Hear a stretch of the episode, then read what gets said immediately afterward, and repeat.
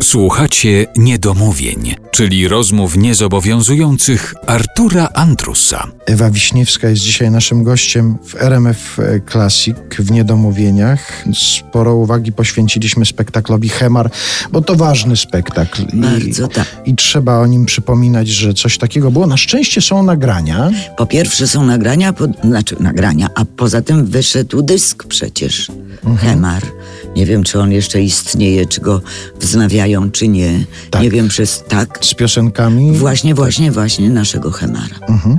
A też nawiązując troszeczkę do tego spektaklu, no bo to jest spektakl, w którym tak, śpiewaliście, mówiliście, recytowaliście, tańczyliście. Tak, choreografię. choreografię robił Józek. Janusz Józefowicz, Janusz tak. Józefowicz, tak. I w tym kontekście chciałem zapytać, bo już pani powiedziała, że za kabaretem pani nie tęskni, bo to był nie, duży nie, nie. stres, ale czy za taką formą musicalową?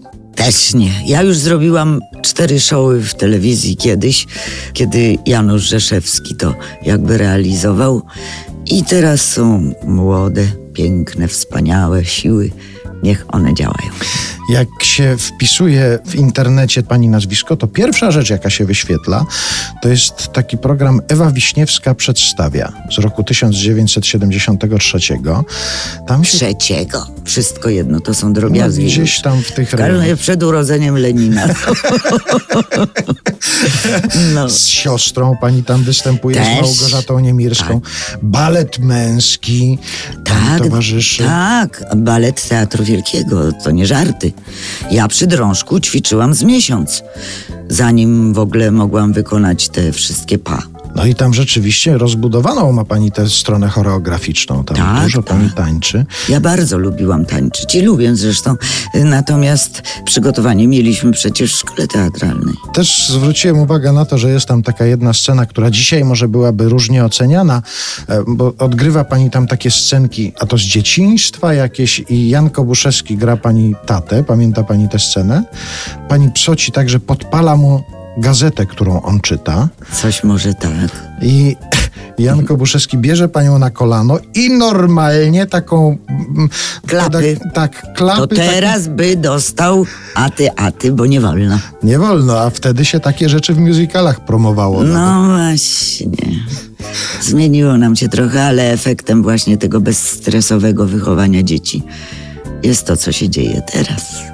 A jeszcze wracając do takich rzeczy, które pewnie miały duże znaczenie dla pani zawodowego życia, chociaż nie wiem, jak są teraz oceniane, ale odważam się zadać to pytanie po tym, co mi pani powiedziała, jak wchodziliśmy tu do studia, że ktoś dzisiaj zadzwonił i powiedział, że doktor Ewa leci w telewizji. Tak, i zobaczyłam właśnie postać pod tytułem Doktor Ewa, czyli siebie.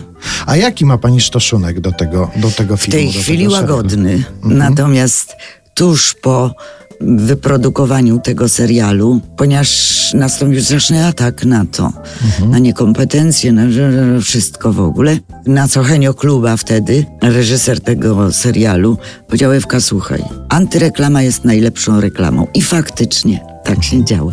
Poza tym ratowało mnie jeszcze to, że ja w międzyczasie tak zwanym po nakręceniu serialu zrobiłam kilka spektakli teatru telewizji ciągłych, bo dość często przebywałam w teatrze telewizji, który uwielbiałam i uwielbiam do tej pory.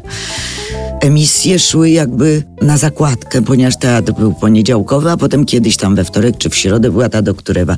Czyli ja nigdy nie wpadłam w szpony takiego zaklasyfikowania mnie jako doktorewę i tu chwała Panu Bogu za to. Czyli to nie było tak, że potem reżyserzy zgłaszali się tylko wtedy, kiedy mieli już Że biały panią do- kitel przygotowany. tak? Nie, nie, nie. Natomiast bardzo często zdarzały mi się, żebym udzielała porad jakichś, na przykład lekarskich. Ja o tym pojęcia przecież nie miałam.